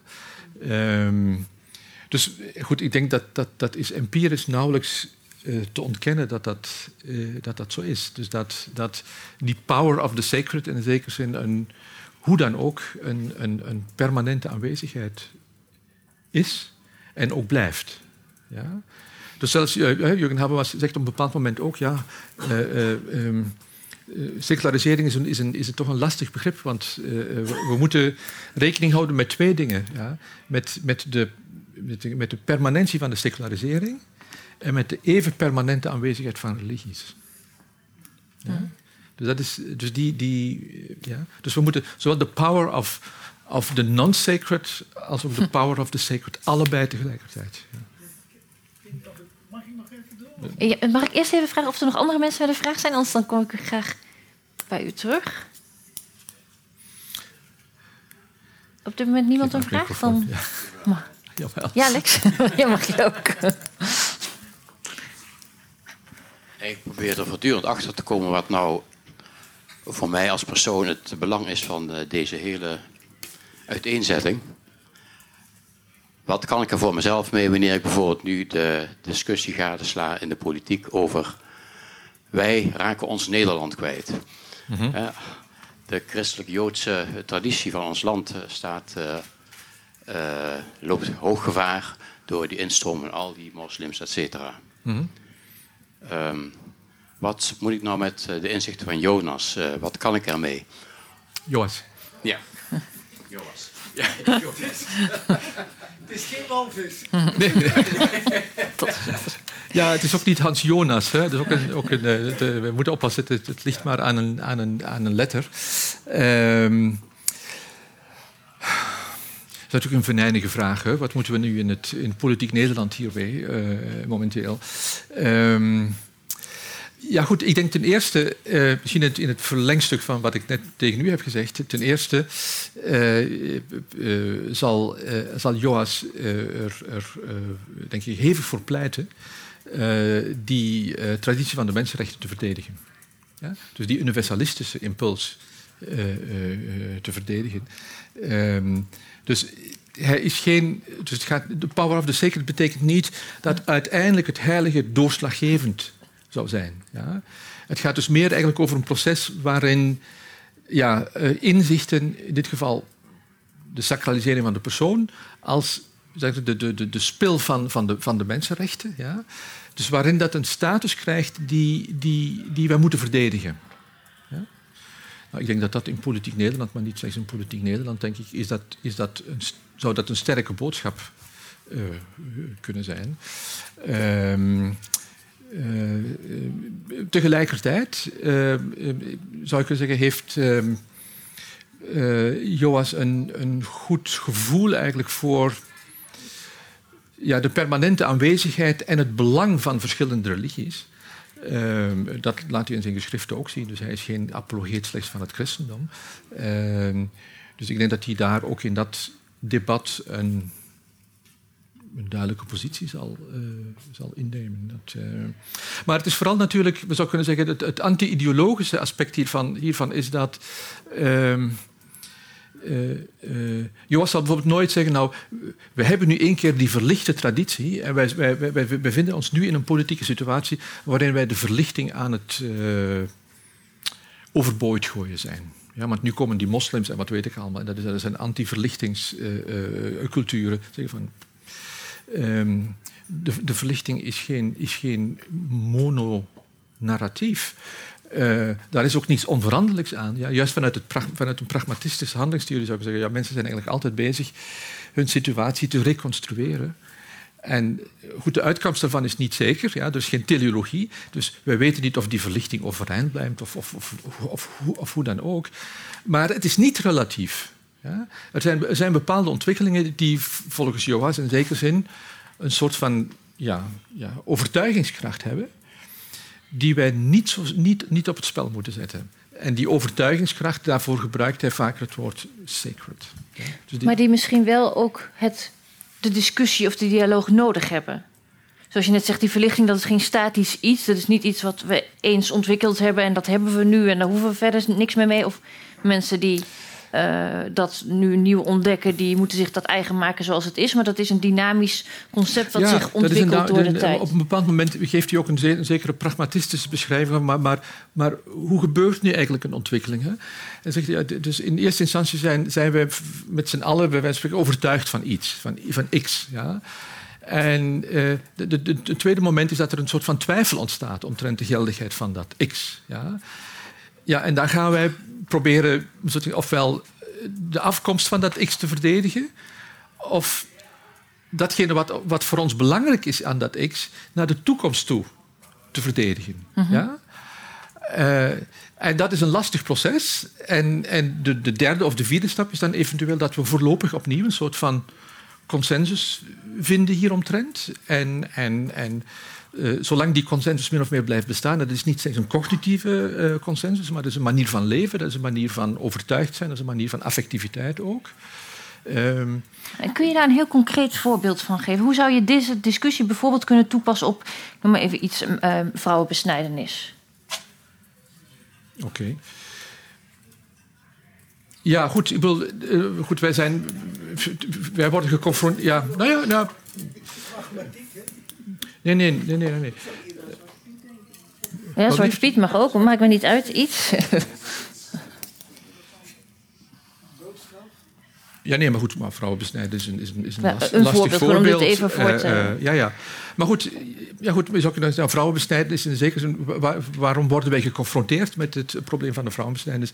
Wat tot een, een 30, 40 jaar geleden vermoedelijk in, in, in onze cultuur, eh, in onze omgeving... eh, volkomen onbekend en afwezig was. Ja. Eh, ehm,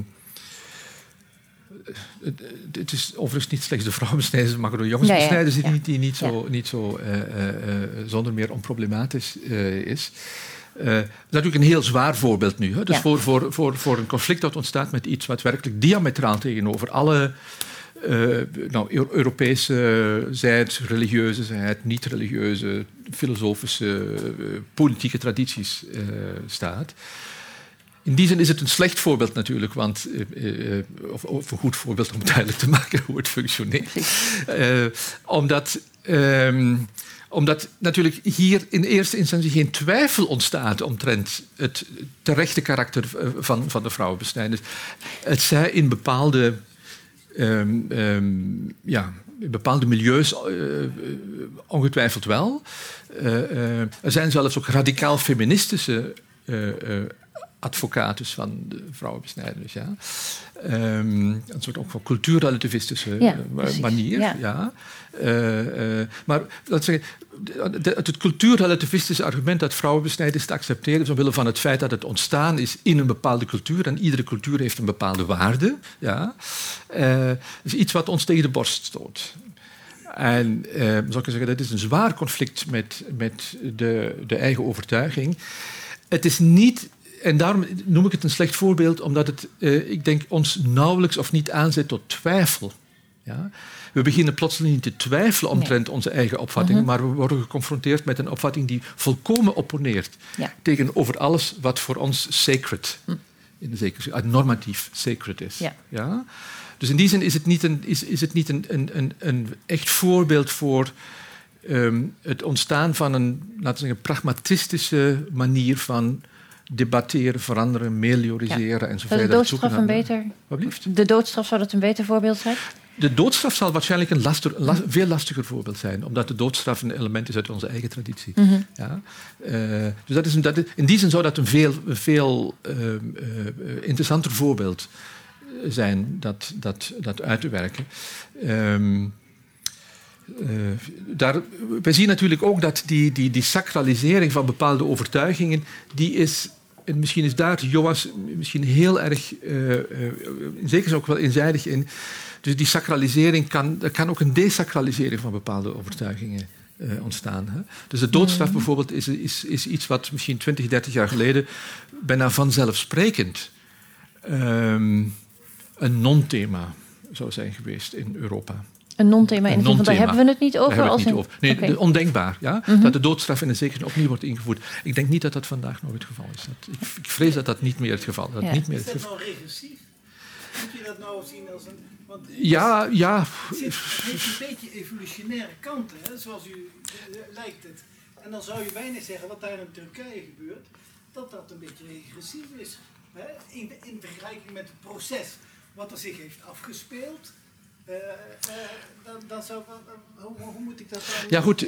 Ja, zien? Natuurlijk, wanneer, dat- wanneer er sprake is van the power of the sacred, dan betekent dat natuurlijk ook in die affirmatieve genealogie, die hij vertelt over de mensenrechten. Ja, eh, dan betekent dat wel dat wanneer wij bijvoorbeeld ernstig weer gaan pleiten voor, voor de doodstraf, dat dat een vorm van regressie zou zijn. Ja. Ja. Ehm, dus er is geen waarborg uit het perspectief van Joas, ik dat u daar gelijk in heeft, is geen waarborg dat, dat de ontwikkeling in een zekere zin, dat die affirmatieve genealogie niet op een bepaald moment kan draaien. Ja, dat er twijfels ontstaan en, dat er, dat, en, en meer dan twijfels eigenlijk zelfs, dat ze wordt bestreden. Ja. We zouden kunnen zeggen, daar, daar, daar zit altijd in zekere zin een soort van regressief potentieel in, in, in, een, in een cultuur. Ja. Dus we hebben nog altijd een heel goed geheugen voor wat ooit is geweest en wat ooit kon. Zou dat betekenen dat de mens wel kan leren? Meneer, mag ik heel even, want het is nu vijf voor negen. Ik wil eigenlijk nog even vragen of er nog iemand anders is met een vraag. Ja, meneer hier vooraan. Dat is dan ook helaas de laatste vraag. want Dan is het negen uur, maar misschien kunnen we dan nog een beetje nakletsen. Ehm, het, Jeroen, zet je hem aan? eh, dat de mensenrechten langzaam vooruit zouden gaan. dat de mensenrechten langzaam vooruit zouden gaan, is dat eigenlijk niet ook een nieuw groot verhaal wat is dan ontstaan? Uh, ja, we moeten natuurlijk oppassen met, met het gebruik van het woord grote verhalen. Ja. Um, um, ik denk dat. Wij kunnen in, wij, natuurlijk kunnen wij een verhaal vertellen bij de mensenrechten. Ja? Dus iedere genealogie is vertelbaar. Maar de manier waarop uh, Joas ze behandelt, uh, zijn de mensenrechten juist niet een soort van uh, ja, zegevierende ideologie eigenlijk, die al, altijd al op pad is geweest en altijd onderweg is geweest, maar die eigenlijk pas aan ja, subjectieve evidentie en, en affectieve intensiteit heeft gewonnen uh, door een geschiedenis die gekenmerkt is door geweld, met name door slaverij en folter. Ja? En, en binnen die geschiedenis is er geen enkele vanzelfsprekendheid geweest dat het die kant zou, uh, zou opgaan. Dat betekent natuurlijk ook, normatief gezien, denk ik, zouden wij zeggen dat is vooruitgang. Ja? Maar de geschiedenis is niet slechts normatief. Daar zijn, er zijn de, feitelijke ontwikkelingen die, die, die die heel andere kant kunnen opgaan. Natuurlijk. Dus dat is geen garantie. Daar is geen, dus de modern, in die zin is de moderniteit niet het tijdperk van de mensenrechten. Dat zou Joas nooit zeggen. Ja? Nou, binnen dat tijdperk is er een bepaalde, zijn er conflicten geweest uh, die geleid hebben tot het, het, niet evident worden van folter en slaverij. Ja? En tot een negatieve affectiviteit die wij verbinden met deze dingen. En, en het kan omslaan. Vanzelfsprekend, het kan omslaan. Ja. Dus ik zou zeggen, creativiteit is niet altijd gunstig. Ja? Er is ook, er, ja, er is ook, er is ook uh, gevaarlijke creativiteit natuurlijk. natuurlijk mogelijk. Ja. ja. Misschien zijn dat wel mooie woorden om deze, avond, deze avond mee af te sluiten. Gevaarlijke creativiteit. Gevaarlijke creativiteit. Ik iets mooiers zeggen. Dankjewel Jean-Pierre Hils voor, uh, voor je inleiding. We hebben alvast wat uh, gedachten aanzetten gekregen... van wat we kunnen verwachten in de lezing van Hans Joas. En natuurlijk bedankt dat je al onze vragen wilde beantwoorden. U bedankt dat u hier was vanavond. En ik hoop u natuurlijk allemaal op 22 maart bij Hans Joas weer uh, terug te zien. Voor die tijd organiseert Radboud Reflex ook nog allerlei leuke uh, activiteiten. Die kunt u op onze website vinden. Ik noem er een paar. Op maandag 13 maart is de Senegalese filosoof Dianje bij ons te gast. En hij spreekt over de relatie tussen islam en filosoferen. Uh, op donderdag 16 maart, dat is de ochtend na de verkiezingen, dat weet u ongetwijfeld, uh, is er het formatieontbijt waarin wetenschappers van onze universiteit gaan discussiëren over hoe gaat het nu verder met de uitslag, welke die ook mogen zijn. Wat is waarschijnlijk, wat kunnen we verwachten. Um, en op maandag 20 maart is er een lezing over stilte en alleen zijn door de Britse schrijfster Sarah Maitland. Um, foto's en een verslag van deze avond verschijnen allemaal binnenkort op onze website. Uh, en het Cultuurcafé, dat is hier om de hoek. Het is nog tot 11 uur open, dus als u nog eventjes wilt nakletsen, dan uh, kunt u daar graag terecht. Dank u wel en graag tot de volgende keer.